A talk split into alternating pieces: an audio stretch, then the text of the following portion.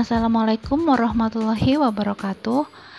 Kali ini kita ketemu lagi di segmen anatomi dan fisiologi kecantikan. Uh, semoga kalian yang mendengarkan segmen kali ini dalam keadaan baik, sehat, dan selalu bahagia. Uh, kali ini akan saya bahas tentang lemak, kolesterol, selulit, dan stretch mark ya. Tolong disimak baik-baik.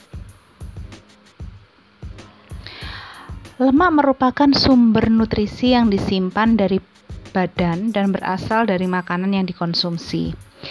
Zat gizi ini menyumbangkan 60% dari total energi yang dibutuhkan pada saat beristirahat dan juga dibutuhkan dalam jumlah lebih besar saat kita berolahraga. Jadi ketika kita mengkonsumsi makanan yang mengandung lemak, maka akan terjadi penyimpanan dalam badan kita. Selain itu, jika terdapat kelebihan konsumsi protein dan karbohidrat, maka kedua zat ini akan dikonversi jadi lemak. Jadi gini ya, lemak itu ada di dalam tubuh kita.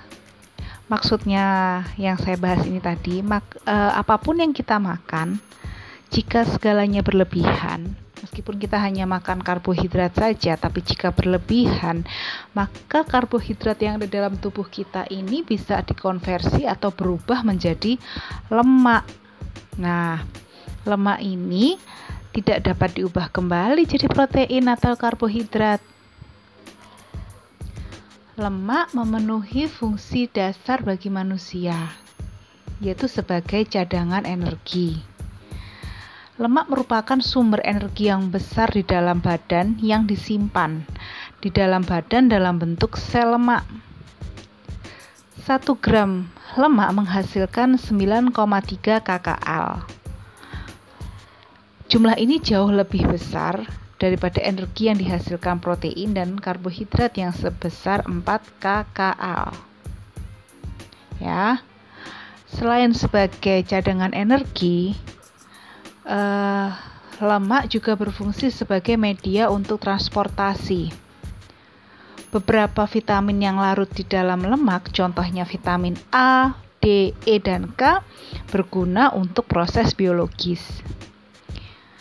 Yang ketiga adalah membantu menekan rasa lapar. Dengan mekanisme memperlambat pengosongan pada lambung, sehingga rasa kenyang dapat bertahan lebih lama. Yang keempat sebagai pelumas, membantu mengeluarkan sisa-sisa pencernakan. Jadi untuk pencernakan tidak hanya dibutuhkan serat ya, tapi juga membutuhkan si lemak ini. Fungsi yang kelima adalah memelihara suhu badan. Sebanyak 50% lemak terdistribusi di bawah lapisan kulit, membuat badan tetap hangat meskipun kondisi di luar badan dalam suhu yang dingin. Selain itu juga melindungi organ-organ dalam tubuh kita, misalnya di dalam rongga perut. Di dalam rongga perut yang diselubungi lemak, maka organ-organ di dalam perut juga terlindungi. Nah, metabolisme lemak merupakan proses badan untuk menghasilkan energi dari asupan lemak setelah masuk menjadi sari-sari makanan di dalam badan. Di dalam metabolisme lemak menjadi energi, kita membutuhkan bantuan glukosa dari karbohidrat. Karena itu, badan kita cenderung menuntut makanan yang manis-manis setelah kita makan makanan yang kaya lemak. Contoh nih, kita habis makan bakso satu mangkok yang penuh dengan lemak, ya kan? Cenderung dong kita akan pasti minum es teh atau es jeruk yang rasanya manis banget. Atau kita makan dessert ras, uh, atau makan dessert makan kue yang rasanya manis. Karena dengan begitu si lemak itu akan berubah menjadi energi. Nah pada prosesnya gliserol dan asam lemak memerlukan glukosa untuk memasuki siklus Krebs atau biasanya dikenal dengan TCA. Dengan memasuki siklus ini, gliserol dan asam lemak dapat diubah menjadi energi. Nah, di dalam buku modul yang sudah punya kalian miliki, di situ adalah gambar metabolisme lemak. Ya. Jalur metabolisme lemak menjadi energi. Ya. Nah, bagaimana penyimpanan lemak di dalam badan? Lemak yang disimpan di dalam badan dibedakan menjadi dua jenis, yaitu lemak subkutan dan lemak visceral. Sementara lemak visceral terdapat di dekat organ badan bagian dalam. Nah, faktor lain yang juga mempengaruhi penumpukan lemak dalam tubuh adalah stres. Stres dapat mempengaruhi selera makan dan dapat menyebabkan penumpukan lemak semakin meningkat. Karena itu, kecenderungannya mengkonsumsi makanan pun akan mengalami peningkatan. Nah, istilah lemak dan kolesterol sangat sering kita dengar. Bisa dari keluarga, tetangga, dokter, atau di TV mungkin ya. Nah, Kolesterol yang sangat terkenal itu khususnya beberapa tahun belakangan ini karena banyak pasien yang datang berkonsultasi kepada dokter lalu ber, kemudian difonis bahwa penyakit yang diderita itu akibat kadar kolesterol di dalam darah yang melebihi batas normal. Lantas apa sih sebenarnya bedanya kolesterol dan lemak? Jadi sama-sama lemak ya, kolesterol dan lemak itu. Kalau lemak itu berada di dalam badan kita yang melindungi organ tubuh kita, sementara kolesterol itu merupakan lemak jenis lemak yang berada di dalam darah. Gitu ya. Paham ya? Jadi kalau yang dikatakan kolesterol itu ya kolesterol itu ya lemak, tapi lemak yang berada di dalam darah.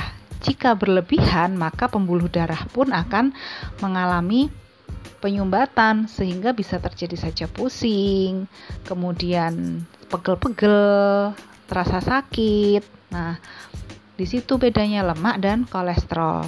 Karena pada dasarnya kalau lemak dan kolesterol itu sama. Ya. Nah, ada lagi yang berbeda. Kita masih membahas soal lemak, ya kalau kita bahas lemak dan kolesterol, kita akan pasti mengenal juga dengan istilah selulit atau dalam istilah medis disebut adiposis edematosa, dermopan nikulosis demarfons, status protrusus cutis atau ginoid lipodystrophy. Panjang ya, ribet ya. Oke, nggak apa-apa. Kita cukup mengenal dengan katanya, dengan namanya yang sangat singkat. Jadi nama panjangnya adiposis, bla bla bla bla itu tadi. Kita panggil aja dia selulit. Jadi selulit itu adalah satu dari sekian banyak masalah yang sering dialami wanita. Masih berba masih de, berkaitan dengan si lemak. Selulit ini juga lemak. Tapi lemak yang berlebihan yang akhirnya membentuk jaringan parut dan dapat dideteksi dengan cara menekan kulit. Ketika kulit ditekan dan membentuk jaringan seperti kulit jeruk yang disebut selulit. Nah, selulit ini biasanya muncul di eh, bagian bokong, paha, pinggang, payudara karena ini merupakan penumpukan lemak yang terjadi karena pengaruh hormon, gaya hidup, dan metabolisme. Faktor yang memicu terbentuknya selulit yaitu adanya kehamilan, pertambahan usia, di mana kulit kehilangan elastisitasnya, pertambahan badan yang drastis, faktor genetik, dan stres yang berlebihan. Nah, uh, selain itu juga gaya hidup yang kurang baik. Contohnya misalnya dengan orang yang mengkonsumsi alkohol, rokok, makan sayur, yang kurang suka makan sayur, kurang suka buah, tidak pernah berolahraga, kurang minum air putih, ya. Nah, selulit ini bisa terbentuk dalam tiga tahap ya yang pertama pada tahap pertama ini tidak bisa terdeteksi kecuali Anda mencubit bagian badan yang Anda rasa terdapat selulit. Nah, pada tahap kedua, selulit bisa dilihat dalam posisi berdiri. Terjadi perubahan warna pada kulit yang mengalami selulit. Nah, pada tahap ketiga, selulit bisa dilihat sangat jelas dengan mata telanjang, ya. Selulit itu biasanya nampaknya seperti guratan kulit jeruk ya. Nah, di kemudian ada nih temennya selulit yang orang selalu bingung membedakan antara selulit dan dia. Dia ini siapa? Yaitu stretch mark. Stretch mark itu merupakan perubahan rusaknya kondisi kulit lapisan kedua pada epidermis dan tidak ada hubungannya dengan lemak seperti selulit ya. Jadi kalau stretch mark itu adalah rusaknya epidermis. Ya. Kenapa kok bisa sampai rusak? Bisa ter terjadi karena peregangan kulit yang berlebihan, misalnya pada saat hamil atau perubahan dari kurus ke gemuk. Nah, oke, okay. ada nih beberapa cara untuk mencegah stretch mark dan selulit. Yang pertama, jaga berat badan. Selalu menggunakan pelembab atau hand body lotion. Kemudian penggunaan lotion khusus untuk stretch mark. Ada loh eh, lotion khususnya. Nah kemudian juga sering-sering berolahraga menjalani hidup sehat menggunakan perawatan badan lulur dan pijatan ringan ya. Banyak hal banyak cara yang bisa kita gunakan untuk menghilangkan si selulit dan si stretch mark tersebut. Nah uh, coba deh. Dari semua yang kalian dengarkan ini semoga bermanfaat. Karena kemarin sebenarnya kan kalian sudah membaca modul ini dan membuat mind mapping. Maka saya hanya sedikit mengulas dan men sedikit menjelaskan apa perbedaan lemak, kolesterol, selulit, dan stretch mark. Nah, untuk absensi pembelajaran anatomi fisiologi kecantikan kali ini saya minta kalian menyebutkan nama buah yang tadi sempat saya sebut pada saat menjelaskan materi kali ini. Saya sempat menyebutkan nama buah. Nah, buah apa itu? Silahkan kamu tulis di kolom komentar pada Google Classroom sebagai absensi kalian. Ya. Oke. Oke, kelas 10 kecantikan 1, jangan lupa selalu bersungguh-sungguh dalam belajar, bersungguh-sungguh dalam mencapai menggapai mimpimu karena mimpi diraih dengan sungguh-sungguh dan dengan belajar yang ikhlas. Sampai jumpa lagi di pertemuan selanjutnya, di segmen selanjutnya. Wassalamualaikum warahmatullahi wabarakatuh.